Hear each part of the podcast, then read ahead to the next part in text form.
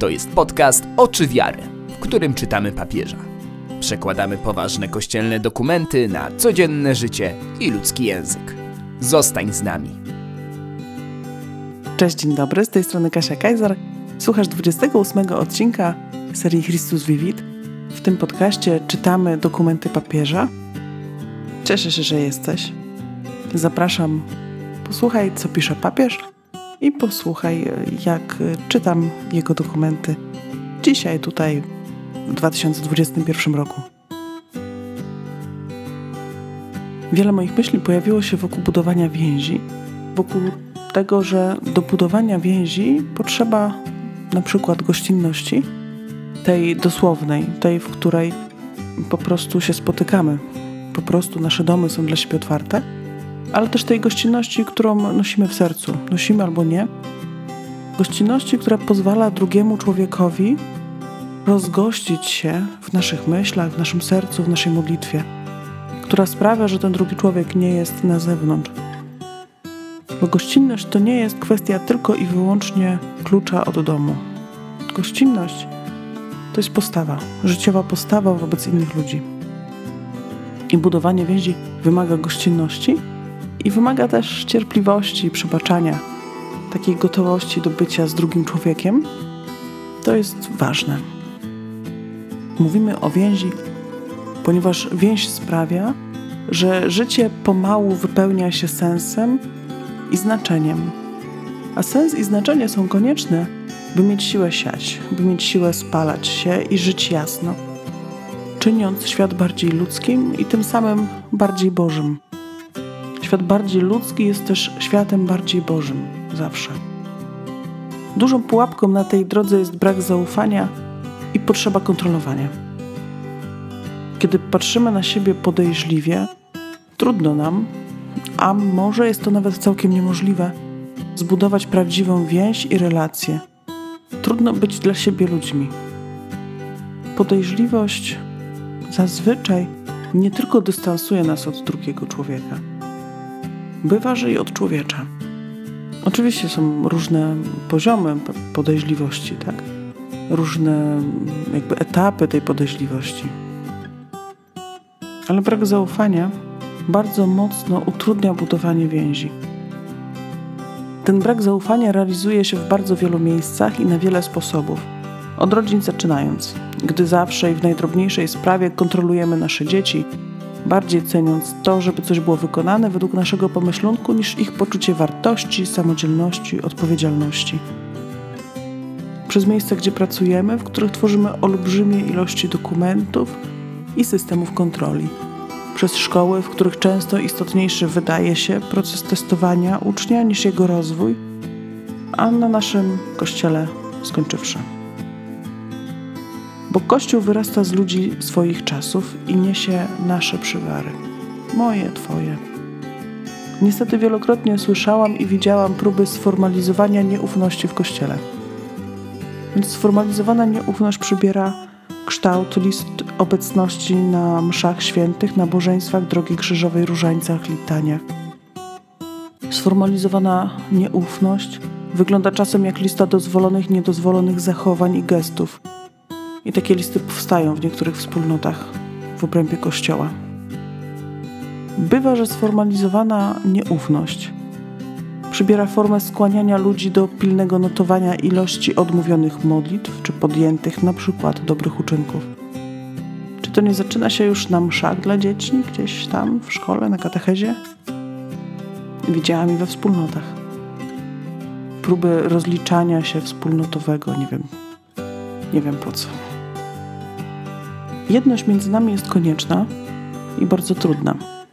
Nie darmo Jezus modlił się o nią tak żarliwie, ale nie da się jej osiągnąć przez ujednolicanie, przez kontrolowanie i sprawdzanie.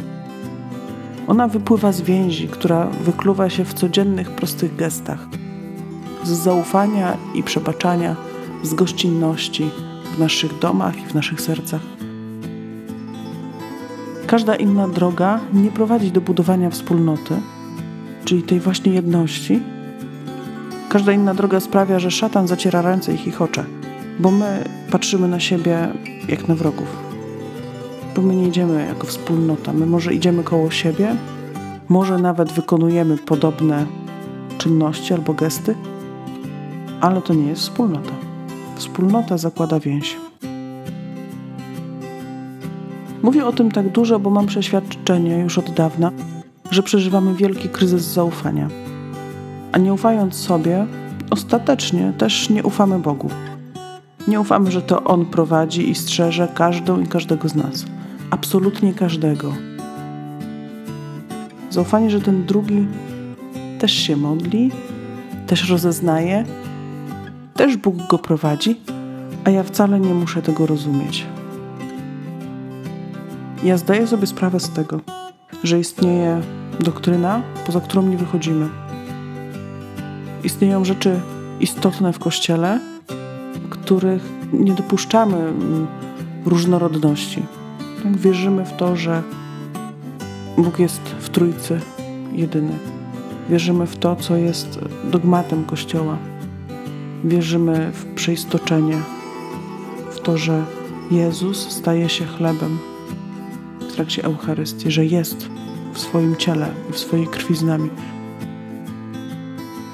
Ale naprawdę to, co jest sercem wiary katolickiej, to, co jest tym, czego, czego odpuścić nie możemy, nie zakłada wielu tych rzeczy, które, które forsujemy. Które forsujemy z wielkim, wielkim wysiłkiem, gubiąc w międzyczasie siebie nawzajem. Okej, okay, wystarczy, wystarczy mojego. Chodź, posłuchaj papieża.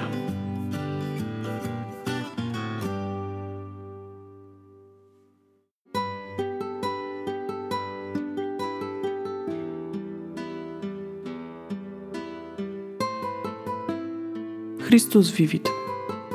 Punkty od 216 do 220.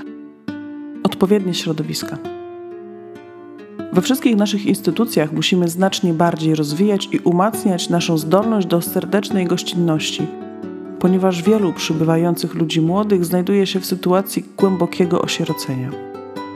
I nie mam na myśli pewnych konfliktów rodzinnych, ale doświadczenie, które dotyczy w równym stopniu dzieci, młodzieży i dorosłych, matek, ojców i dzieci. Dla wielu naszych współczesnych sierot, być może dla nas samych, wspólnoty takie jak parafia i szkoła powinny oferować drogi bezinteresownej miłości i promocji, afirmacji i rozwoju. Wielu młodych czuje się dzisiaj dziećmi porażki, ponieważ marzenia ich rodziców i dziadków zostały spalone na stosie niesprawiedliwości, przemocy społecznej, tego ratuj się kto może. Ileż eliminacji. Jeśli młodzi ludzie dorastali w świecie popiołów, niełatwo jest im podtrzymać ogień wielkich pragnień i planów. Jeśli dorastali na pustyni pozbawionej znaczeń, jakże mogą chcieć poświęcić się, by siać? Doświadczenie nieciągłości, eliminacji i upadku podstawowych pewników, któremu sprzyja dzisiejsza kultura medialna, powodują to uczucie głębokiego osierocenia, na które musimy odpowiedzieć poprzez tworzenie przestrzeni braterskich i atrakcyjnych gdzie żyłoby się sensownie. Tworzenie domu to ostatecznie tworzenie rodziny. To uczenie się odczuwania jedności z innymi, abstrahując od powiązań utylitarystycznych lub funkcjonalnych. Bycie zjednoczonymi w taki sposób, że odczuwamy życie jako trochę bardziej ludzkie. Tworzenie domu to umożliwienie, aby proroctwo nabrało kształtu i uczyniło nasze godziny i dni mniej nieprzyjaznymi, mniej obojętnymi i anonimowymi to tworzenie więzi, które buduje się przez proste, codzienne gesty, które wszyscy możemy wykonywać.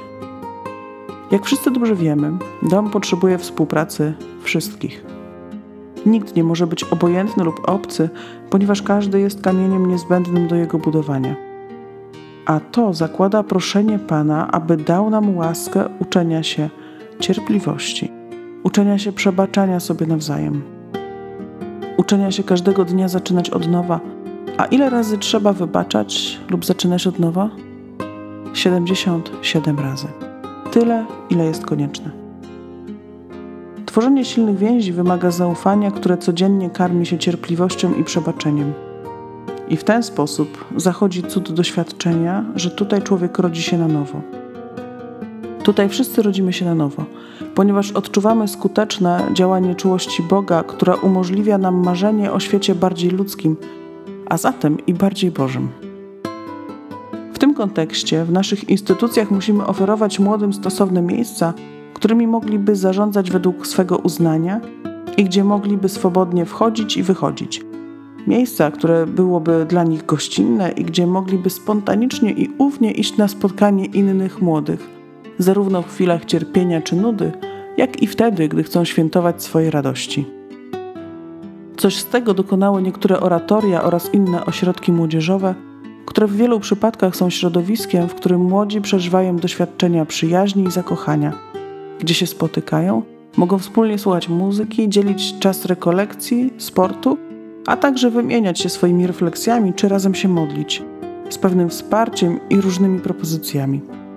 W ten sposób następuje to niezbędne głoszenie jednej osoby drugiej osobie, którego nie można zastąpić żadnymi zasobami czy strategią duszpasterską.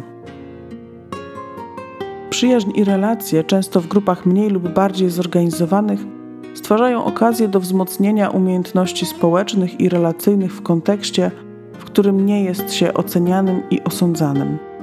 Doświadczenie grupowe jest także wielką okazją do dzielenia się wiarą i wzajemnej pomocy w dawaniu świadectwa. Ludzie młodzi potrafią prowadzić innych młodych i być prawdziwymi apostołami wśród swoich przyjaciół.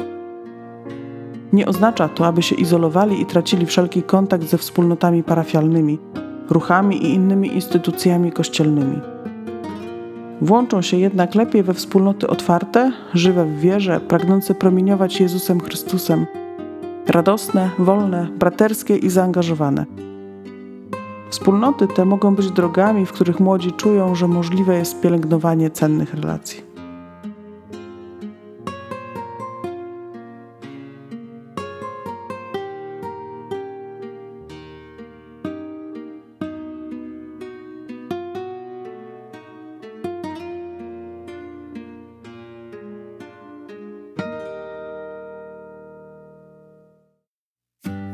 Tyle na dzisiaj. Myślę, że materiału dość, żeby przemyśleć, zastanowić się trochę. Bardzo Ci dziękuję, że towarzyszysz mi w tej lekturze. Do usłyszenia w kolejnych i poprzednich, mam nadzieję, też odcinkach podcastu. Zostań z Bogiem. To był podcast Oczy Wiary. Zajrzyj na stronę www.oczywiary.pl po więcej treści. Zachęcamy też do kontaktu mail kasia małpa Do usłyszenia!